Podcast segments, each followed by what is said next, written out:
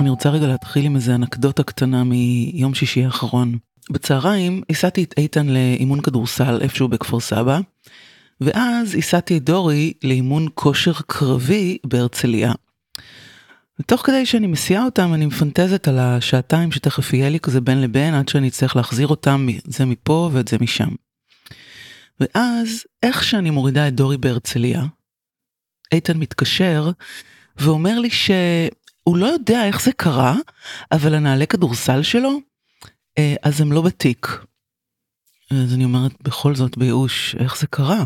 איך זה קרה? והוא אומר, אני לא יודע, הם היו בתיק, אבל עכשיו הם לא.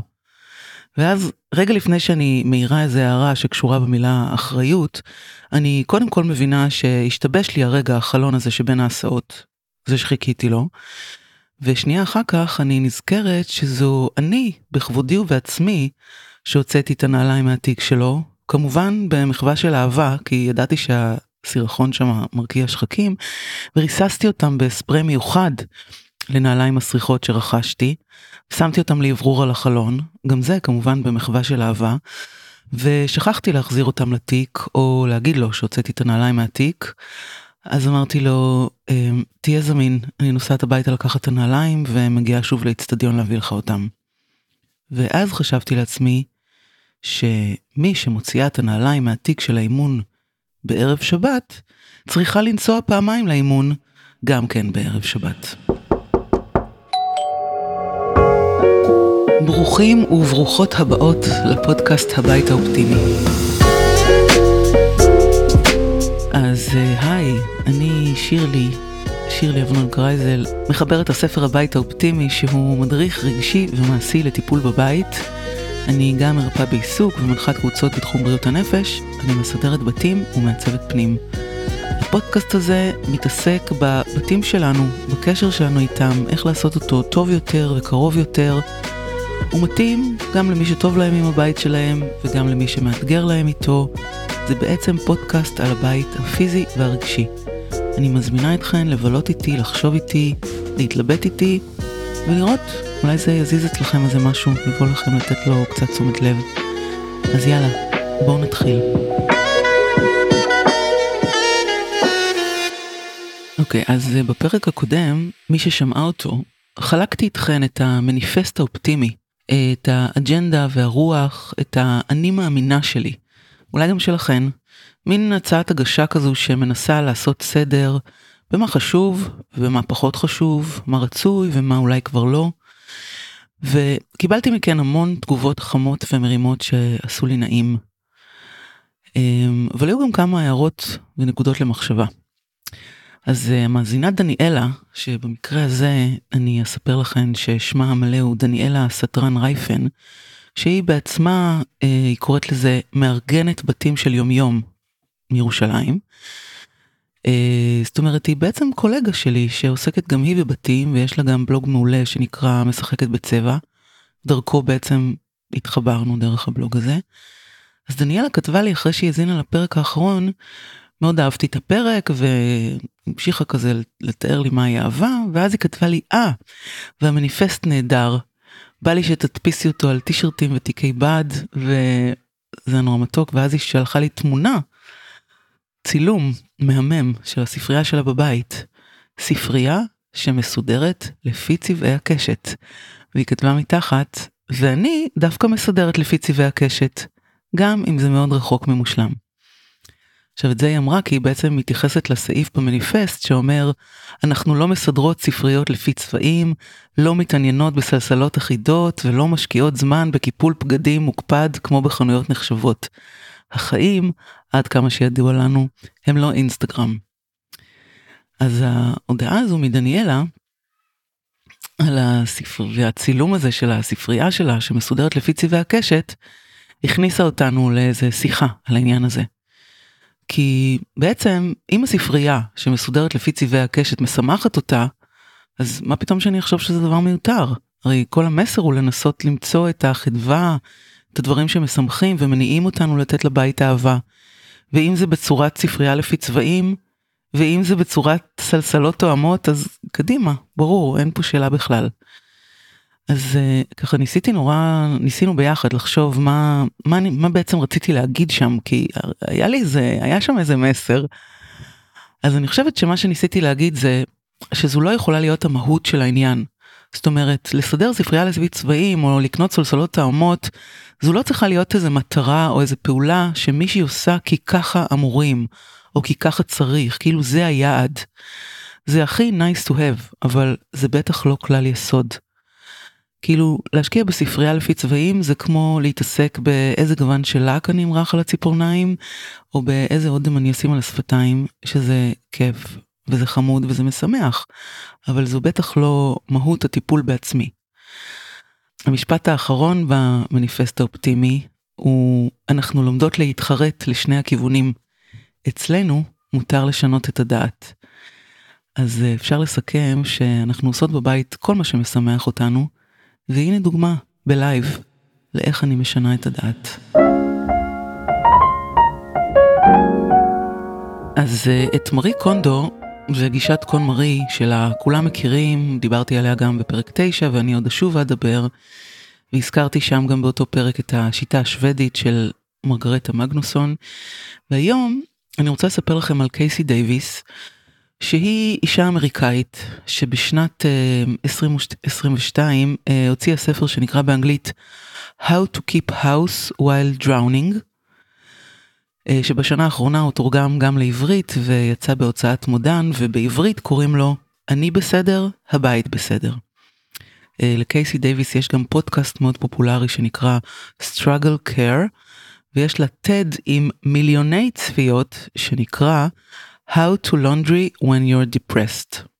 אני אצרף לינק לטד ולפודקאסט בתיאור של הפרק, ואני גם מרגישה ש definitely מיציתי את האנגלית שלי לפרק הזה. בכל אופן, אחרי ההקדמה הארוכה הזאת, אני רוצה לספר לכם שקייסי דייוויס היא בעצם אה, פסיכותרפיסטית שהתחילה את הדרך שלה אה, סביב העולם הזה של הסדר והסידור וזה בטיק טוק עם סרטונים שמנסים לתת כלים. וכל מיני דרכים יעילות להתמודד עם הטיפול בבית. כל הדבר הזה נולד מתוך uh, מצוקה מאוד מאוד גדולה שהיא התמודדה איתה, היא סבלה מדיכאון אחרי לידה, והיא עוד קודם אישה עם הפרעת קשב שכל החיים שלה התמודדה עם שמות תואר שרדפו אותה כל החיים כמו עצלנית, כישלון, כאילו היא הגיעה לכל הסיפור הזה מנקודת מוצא של פצע מאוד עמוק. כל הדברים האלה היא מתארת בספר שלה. אמ, אני רוצה להקריא לכם אה, ממש חתיכה קטנה מהפסקה האחרונה בהקדמה של הספר. האם ערימת הכלים הגיעה לשמיים והכביסה לא כובסה? כן. האם הרגשתי שאני טובעת בכל מה שקשור אפילו למשימות פשוטות בבית? בהחלט. הייתי עייפה, הייתי מדוכאת, הייתי מוצפת, הייתי זקוקה לעזרה. אבל לא הייתי עצלנית, וגם אתם לא. אני רוצה לתת לכם משהו מאוד מאוד חמוד, שמאוד מצא חן בעיניי, מאוד שימושי, לסידור היומיומי, שקייסי קוראת לו שיטת חמשת הדברים. בעצם אומרת שכשאנחנו מסתכלים על חלל מאוד מאוד מבולגן, אנחנו יכולים לחשוב בקלות שזה גדול עלינו, כאילו מאיפה אני מתחילה, מה זה הדבר הזה, מה אני עושה עם זה. אבל אחרי שאנחנו נרגיע את עצמנו קצת עם דיבור חומל וניקח נשימה עמוקה, אפשר לראות שאפילו שזה נראה הרבה מאוד דברים, יש בכל חדר מבולגן, כל חדר מבולגן נתון, למעשה רק חמישה דברים. אחד, אשפה, יעני זבל. שתיים, כלים מלוכלכים. שלוש, כביסה. ארבע, חפצים שיש להם מקום יהודי אבל הם לא, לא מונחים במקום. וחמש, חפצים שאין להם מקום יהודי. אוקיי? בעצם אלה חמשת הדברים שלא משנה על איזה חדר מבולגן תסתכלו, הם מורכבים מהחמישה, חמשת הדברים האלה. אז אני אפרט את זה קצת וזה הכל מתוך הספר שלה, שכאמור בעברית קוראים לו אני בסדר, הבית בסדר. אז קודם כל אנחנו פשוט לוקחים שקית אשפה, אוספים את כל האשפה ושמים אותה בתוך השקית, אוקיי? אריזות, ניירות, לא יודעת מה, כל מה שזה, בלי, בלי עכשיו להתעסק בלרדת למטה ולזרוק את הזבל, אוקיי? כאילו שימו את זה בצד, בכניסה לבית או משהו כזה. זה שלב ראשון. אחר כך עוברים לכלים. אז בעצם אוספים את כל הכלים, אה, מרחבי הבית או מרחבי הסלון או החדר, לא משנה מה שזה לא יהיה, אוספים את הכלים המלוכלכים ושמים אותם בכיור או על השיש. לא רוחצים עכשיו את הכלים, לא מתעסקים בזה, זה פשוט מסיח אתכם מה, מהשוונג הזה שנכנסים אליו. עכשיו אנחנו רק פינינו את הכלים, שמנו בכיור. השלב השלישי זה לקחת איזשהו סל כביסה ולאסוף את כל הבגדים והנעליים, כל, כל מה שדורש, שקשור בביגוד וכזה, ולשים את זה בצד, לא להתעסק עכשיו בלהעמיד מכונת כביסה, אוקיי? רק אנחנו מפנים את הבגדים המלוכלכים מהסלון למקום שלהם. אחר כך אנחנו בוחרים איזשהו מקום בחדר, שזה אני דיברתי על זה באחד הפרקים שקראתי לזה אה, שיטת אה, מה לא, משחק מה לא שייך, אתם זוכרים? בעצם אנחנו בוחרים איזשהו מקום בחדר, אה, ובעצם לוקחים את כל החפצים שאני יודעת שיש להם מקום ומרכזת אותם ביחד. אחר כך אני לוקחת את כל החפצים שאין להם מקום ואני שמה אותם באיזה ערימה קטנה נפרדת. עכשיו בעצם יש לי ערימה של דברים שאין להם מקום וערימה של דברים שיש להם מקום ואני מתחילה בעצם להחזיר למקום את כל החפצים שאני יודעת שיש להם מקום ואז רגע להתמודד עם אלה שאין להם מקום יכול להיות שלא צריך אותם אתם זוכרים זה בעצם איזשהו מין מיון כזה מה הולך לפח מה עף מהבית ומה אני מייצרת לו מקום כי אני רוצה שהוא יישאר. ורק אחר כך אני מתפנה להוציא את ההשפעה מהבית, להכניס את הבגדים המלוכלכים למכונה אם צריך לעשות את זה, ולטפל בכלים, אוקיי? בעצם מה שקורה כאן זה שקייסי דייוויס מציעה לנו גם את הסידור היומיומי לעשות לפי קטגוריות. בדיוק כמו שלימדה אותנו כבר מארי קונדו, אבל מארי קונדו מתעסק, מתעסקת בזה בסידור העומק, במיון. זאת אומרת, היא בעצם אומרת לנו, נגיד אתם מסדרים את הנעליים שלכם, אז קחו עכשיו את כל הנעליים שלכם ותעשו להם מיון בפעם אחת. אתם משחקים, מסדרים את המשחקי קופסה של הילדים שלכם, ויש לכם שלושה ילדים, ויש משחקי קופסה שמפוזרים בשלושה חדרים וגם קצת בסלון, אז תסדרו את כל משחקי הקופסה בפעם אחת. זאת אומרת, מרים דיברה על הקטגוריות בהקשר של סידור העומק, וקייסי דייוויס בעצם מציעה לסדר לפי קטגוריות גם בסידור היומיומי. זאת אומרת, זה, זה משהו שנורא עוזר להתמקד, אתם יכולים להבין את זה, נכון? כאילו שאני מסתכלת רגע על החלל, ואני רגע רק אוספת את הזבל, ואחר כך רק אוספת את הכביסה, ואחר כך רק אוספת את הכלים וכולי. אמ, אני רוצה גם להוסיף שיותר קל להפעיל אחרים, או לשתף אחרים בסידור דרך השיטה הזו. למשל, אני אומרת, ממי תאסוף רק את הכלים המלוכלכים ושים אותם בכיור. או ממי שני, ממי שתיים, קח שקית ושים בתוכה את כל האריזות הריקות שצריכות להגיע לפח וכולי. בעצם כשאנחנו אנחנו ממקדים את, ה, את ההנחיה ואת הפעולה ומתייחסים לזה כזה קטגוריאלית ולא כללית, תסדר פה, שמישהו יסדר פה, שאין מושג מאיפה מתחילים ומה את רוצה מהחיים, אז uh, זה פשוט יותר יעיל, זה קורה. Um, המוטו של קייסי דייוויס באג'נדה שלה בכלל באופן כללי בספר היא שבמקום שאני אעבוד אצל הבית, הבית יעבוד אצלי. זאת אומרת, בתפיסה שלה, יש בינה לבין הבית יחסי עובד מעביד. אני רוצה לסיים את החלק הזה ולהגיד שבתפיסה שלי, אנחנו והבית נמצאים במערכת יחסים, אבל לא של עובד מעביד, יש בינינו קשר רגשי, ובגלל שיש לנו כזה קשר רגשי, אני מציעה להכניס את המילים טיפול, תשומת לב, חמלה ואהבה לתוך כל דבר שאנחנו עושות עבורו. כי העבורו הזה זה בעצם עבורי. כמה עלה לך להוציא את הספר? וכמה כבר החזרת בחזרה? רגע, כמה זמן זה לקח? כמה מכרת כבר? כמה חנויות מחזיקות אותך? כמה הם משלמים לך על עותק? כמה ספרים נשארו לך? כמה האזנות יש לך לפרק? כמה עוקבים יש לך בספוטיפיי ובאינסטגרם? כמה נרשמו להרצאה? כמה לקחת להם על מפגש? כשאת עושה בבתים את לוקחת אותו דבר? לא? אז כמה? Mm, אז אנחנו עסוקים, עסוקים ועסוקות כל הזמן במספרים ובדירוגים. אני מצד אחד מבינה את זה, כן? ברור, אני שם. יש משהו במספרים, ביכולת למדוד, שנותן לנו איזה אישור או איזה אפשרות למקם את עצמנו ביחס לאחרים. אני גם מבינה את הצורך הזה שלי, וגם אני מנסה להשתחרר ממנו בו זמנית. רוב הזמן זה לא הולך לי. כאילו, בסוגריים אני רוצה לספר לכם רגע איזה משהו שקרה השבוע. שבוע שעבר עשיתי כזה מבצע סוף שנה שהיה סוף דצמבר על הספר, כל ההזמנות שאנשים מזמינים מאזור כפר סבא ורעננה והוד השרון, אז אני גם השליחה. זאת אומרת, אני מביאה בעצמי את הספר לבתים. והיו לי הרבה מפגשים מאוד מאוד מתוקים עם נשים שהן מאזינות לי. ושהתרגשו נורא כאילו אני איזה סלב שבא אליהם להביא להם ספר, זה היה מצחיק ומביך בו זמנית, אבל, אבל חמוד. אה, ובאחד הבתים שהגעתי התקשרתי לאישה שהביאה, שהבאתי לה את הספר והיא אומרת רגע מה אמרת? רגע לא הבנתי את פה? את פה? את בחוץ? רגע מה זאת אומרת ליד הבית שלי? ואז היא אומרת לי את יודעת מה אני עושה עכשיו? את יודעת מה אני עושה עכשיו? אני מסדרת את המחסן עכשיו. את יודעת בזכות מי אני מסדרת אותו? בזכות הפודקאסט שלך. אז כשדבר כזה קורה אני אומרת לעצמי תפסיקי כבר עם המספרים מה מעניין המספרים מה מעניין כמה האזנות יש לך תראי איזה יופי את עושה.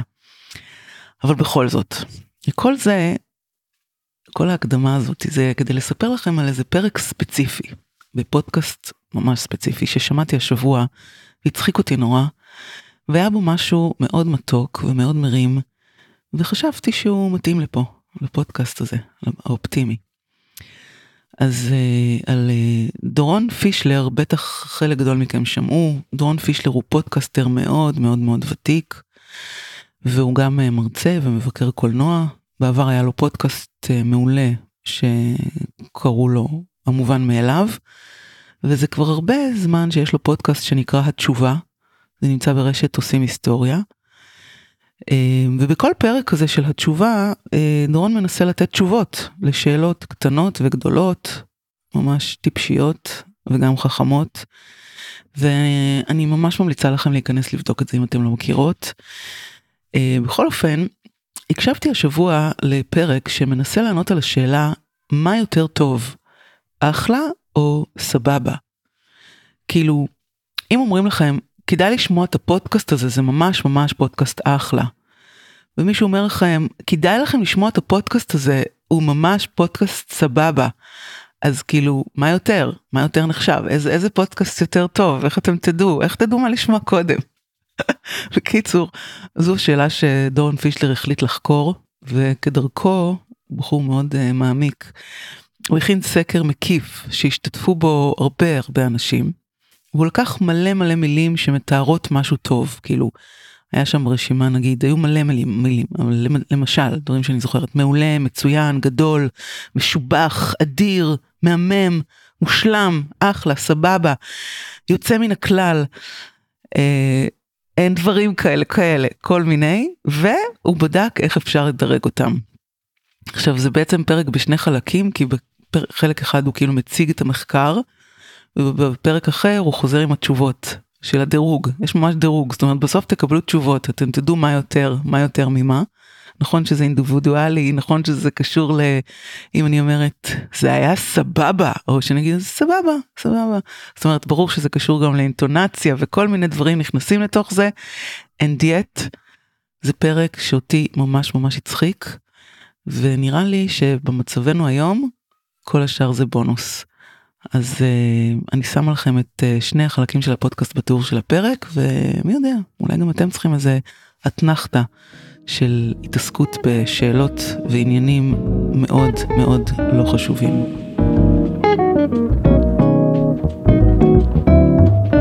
ועכשיו uh, משהו רציני, באמת רציני. Uh, בסוף פרק 11 שנקרא ככה זה עכשיו סיפרתי לכם uh, על המאזינה תמר. שהיא גם קוראת נאמנה של הספר שלי וגם מאזינה נאמנה מאוד של הפודקאסט הזה, שסיפרה לי לפני שנה וחצי בערך על הבן שלה, סגן אבשלום הרמוני, שנהרג לפני שבע שנים בשירות הצבאי שלו, ואיך שהיא קראה בספר, שהספר שלי נולד בין השאר בזכות אבשלום אחר, היא הרגישה עוד יותר שזה חיבור משמיים. אז השבוע בן אחר של תמר, אח של אבשלום, רב סרן יונתן הרמוני, שהוא מ"פ שריון בחטיבה 188, אמ, נפצע קשה בקרב במרכז רצועת עזה. אה, כשהוא הגיע במסוק לסורוקה רגע לפני שהוא הורדם כדי שיתחילו בטיפולים והניתוחים שהוא היה צריך לעבור, הוא הספיק להגיד לרופא, אני אח שכול, תשמרו עליי בשביל ההורים שלי. אמ, אז היום אני מבקשת מכם משהו שעוד לא ביקשתי אף פעם. מצטרפת לבקשה של תמר וחמי, ההורים של יונתן, שניהם מאזינים לפודקאסט הזה. להתפלל להחלמה שלו, כל אחת בדרך שהיא יודעת להתפלל. אפשר גם לשמוע מוזיקה טובה, ככה הם כתבו בבקשה שלהם. ואני, כרגיל, אסיים היום בשיר. שיר שכתב מתן פורת, ולשיר קוראים ה-21 בדצמבר. למי שלא מקשר את 21 בדצמבר, זה היום הקצר בשנה. חייב להיות מעכשיו פחות חושך ויותר אור. לא כי אני החלטתי, לא כי זו משאלת לב, ככה זה עם כדור הארץ והשמש, ואיתם אני לא מתווכח. הם היו פה לפניי. מתן פורט. אז uh, לסיכום, אם אתם uh, מוציאות משהו מהתיק כדורסל של הבן שלכם, תזכרו לעדכן אותו. Um, מי שרוצה לסדר לפי צבעים או לקנות סלסלות תואמות, כי זה עושה לה נעים, פשוט לכו על זה. Uh, אני מזכירה לכם את שיטת חמשת הדברים של קייסי דייוויס, אשפה, כלים, כביסה, דברים שיש להם מקום, דברים שאין להם מקום. והכי מהכל, החלמה מהירה ליונתן הרמוני, אח של אבשלום, הבן של תמר. בואו נהיה טובים. תודה לזק אביעד על העריכה והמוזיקה. תודה לכן שאתם פה איתי. שבוע טוב.